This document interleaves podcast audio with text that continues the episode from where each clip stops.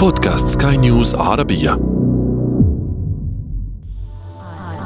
عالمنا عالمهم. عالمنا عالمهم.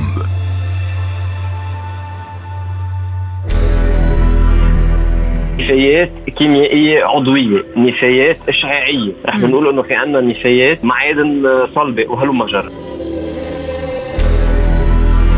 في عندنا خطر كمان انفجار وخطر خونة ممكن يطلع من كل الرواسب الصناعية، هدول كلياتهم هن أمور لازم يلحظهم المعمل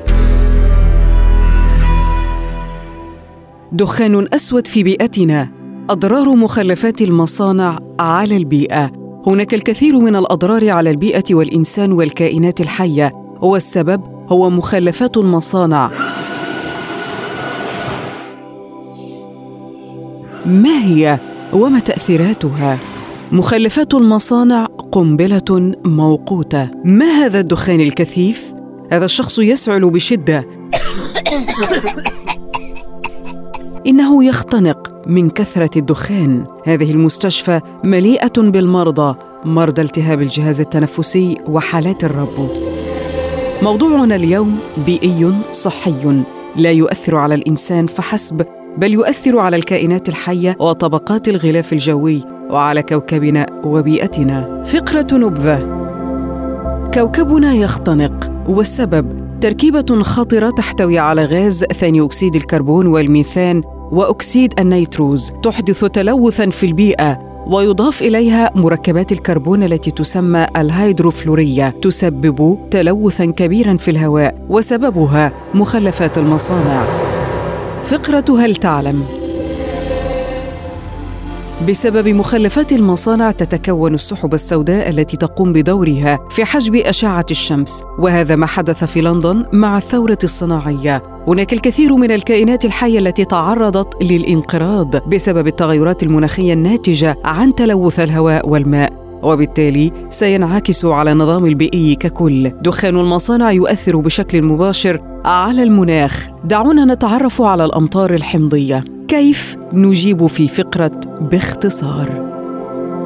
هذه الأمطار تحدث عندما تتداخل انبعاثات المصانع مع الرطوبة الموجودة في الهواء وتكون النتيجه المطر الحمضي. وبالتالي تكون النتيجة أيضا هي زيادة غازات الاحتباس الحراري التي يتضرر منها النبات والمحاصيل الزراعيه هناك وسائل عديدة يمكن من خلالها أن نحافظ على البيئة من مخلفات المصانع وأدخنتها الضارة على البيئة. عندما يزداد غاز ثاني أكسيد الكربون وترتفع درجة حرارة الأرض وهنا ندخل في كارثة أخرى وهي ذوبان الجليد والفيضانات فقرة قصصهم.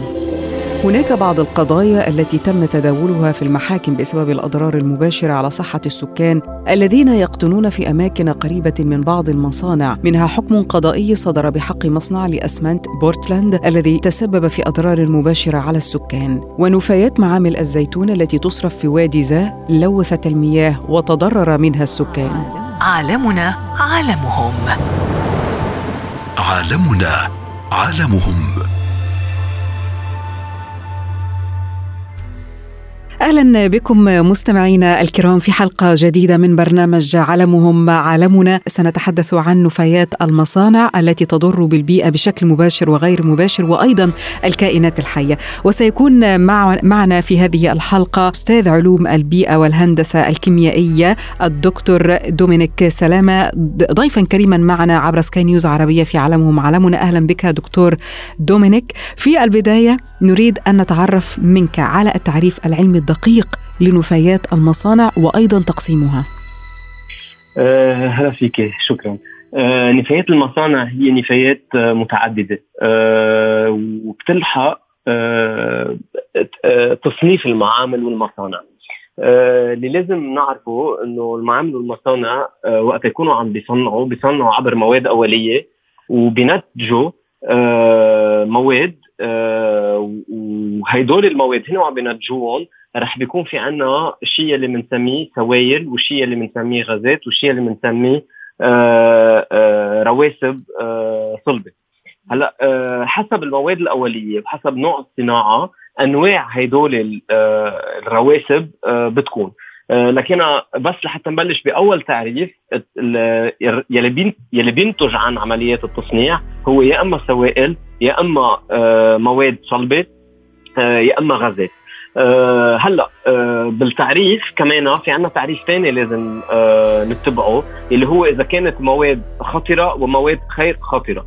المواد الخطرة هي اجمالا مواد مصنفة حسب الأسس العالمية إن كان إذا لحقنا أه القوانين الدولية أو آه، القوانين الوطنية تصنف النفايات عبر تصنيف جدا دقيق تعتبر في خطرة أو غير خطرة.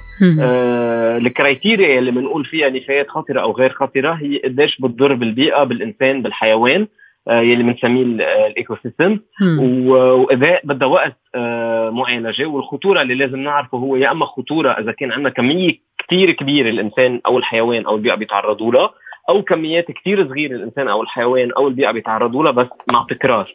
هيدي ثاني آه آه تعريف. ثالث تعريف اللي لازم نعرفه هو آه، تصنيف الكثير دقيق. يعني رح نجي بنقول إنه نحن في عنا آه، نفايات كيميائية عضوية نفايات اشعاعيه رح نقول إنه في عنا نفايات آه، معادن صلبة وهلم جرة لكن وقت بننزل على آخر كاتيجوري آخر تصنيف هو بيكون كثير دقيق. آه، ومنفوت بالتفصيل الممل بالرواسب اللي بيطلعوا أو النفايات اللي تنتج هي من شو مكونة؟ صحيح. وحسب التعريف الثاني والتعريف الأول آه، يتم آه، طرق الفرز والمعالجة. أصبح هناك دائما ما نتحدث عن النفايات نتحدث عن المناخ نتحدث عن الاحتباس الحراري. هل من ثمة ارتباط بين تغير المناخ و آه، نفايات المصانع كما حدث في آه، وقت آه، الثورة الصناعية في أوروبا ودخان المصانع التي الذي تسبب بشكل أو بآخر في تلوث الهواء وأثر أيضا على الغلاف الجوي. ما, ما هي العلاقة بينهما؟ آه سؤال كثير مهم. آه وبنستذكر آه كثير منيح الثورة الصناعية اللي صارت بأوروبا مثل ما حضرتك تفضلتي وقلتي.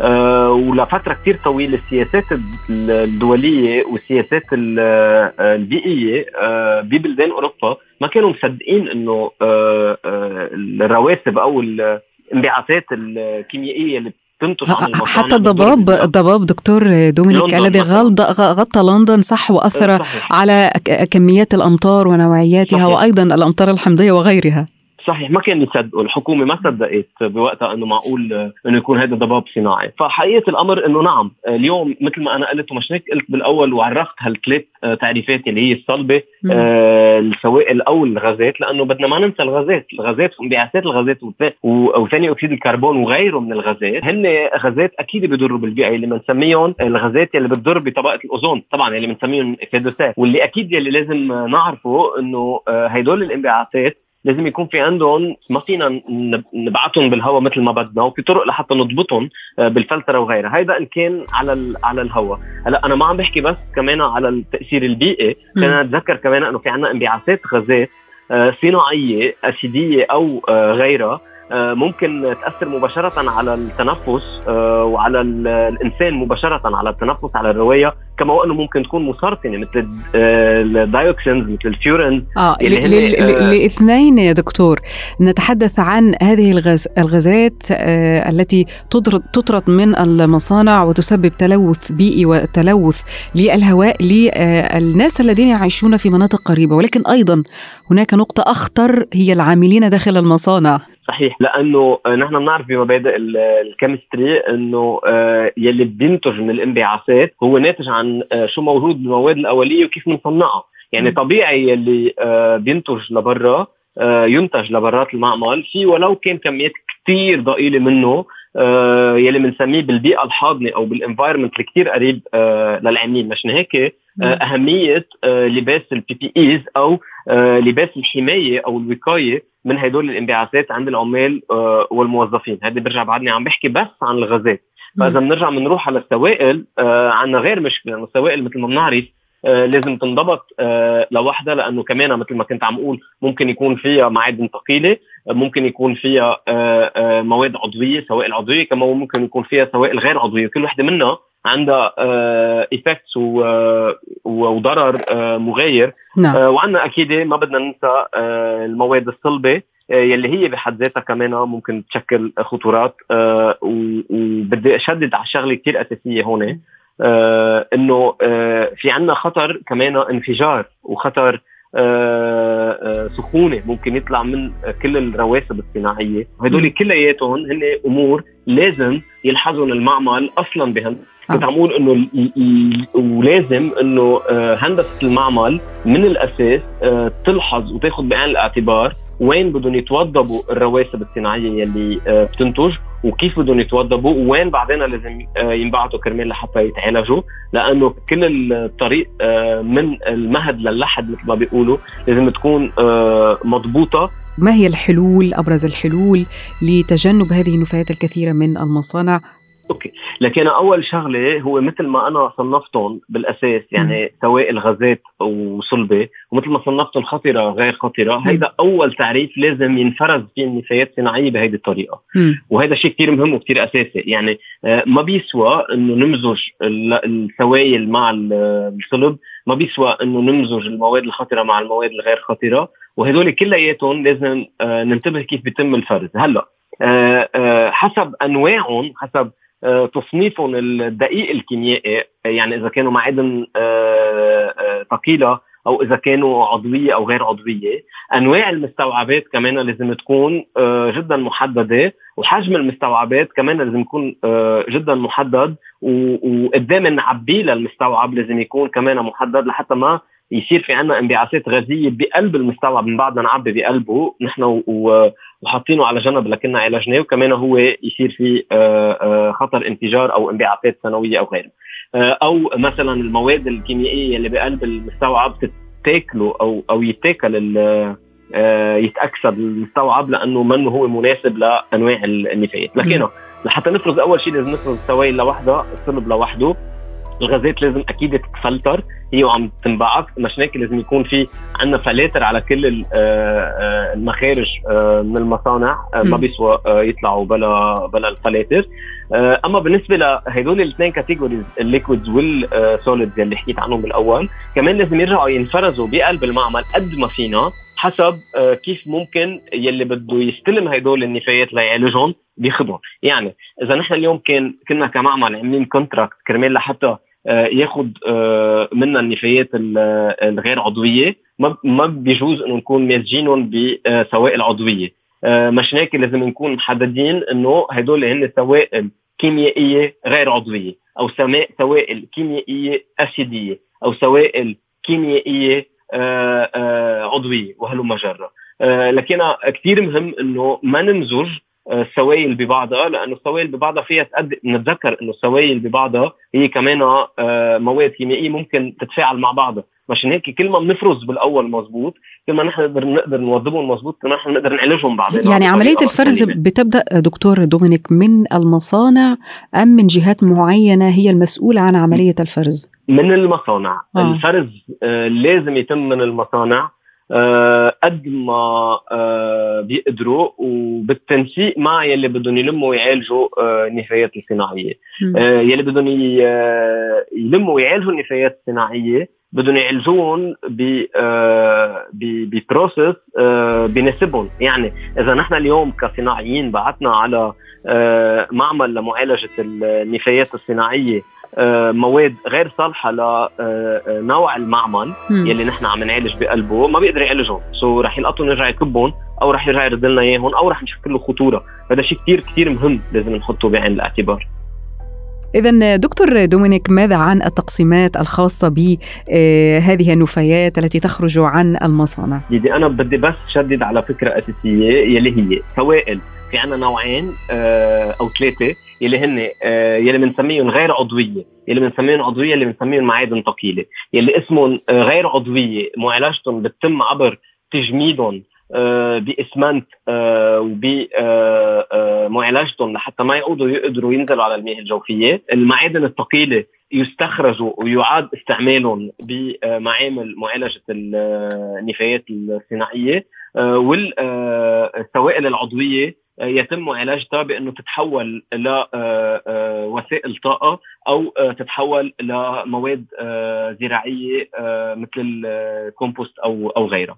طارتي اللي بنسميه solid يعني كل شيء صلب بالنفايات الصناعية، لازم نتذكر إنه في عندنا بقلبه معادن ثقيلة لازم استخراج مثلا البطاريات اللي بتخرج عن النفايات الصناعية، مثلا acids اللي بيكونوا دقين أو ملازمين plastics أو غيرهم كمان لازم استخراج ومعالجة وهلم جرى. آه والشيء اللي أكيد لازم نشدد عليه هو إنه الفرز من المصدر إجباري كرمال لحتى هدول طرق المعالجة آه، تكون سليمة. ما وضحت الصورة تماما الدكتور دومينيك سلامة شكرا جزيلا. عالمنا عالمهم. عالمنا عالمهم.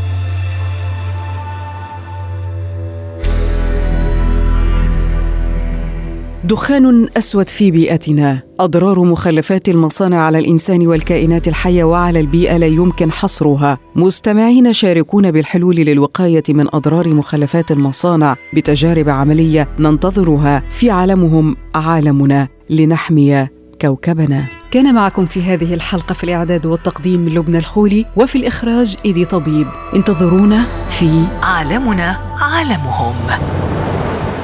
عالمنا. عالمهم.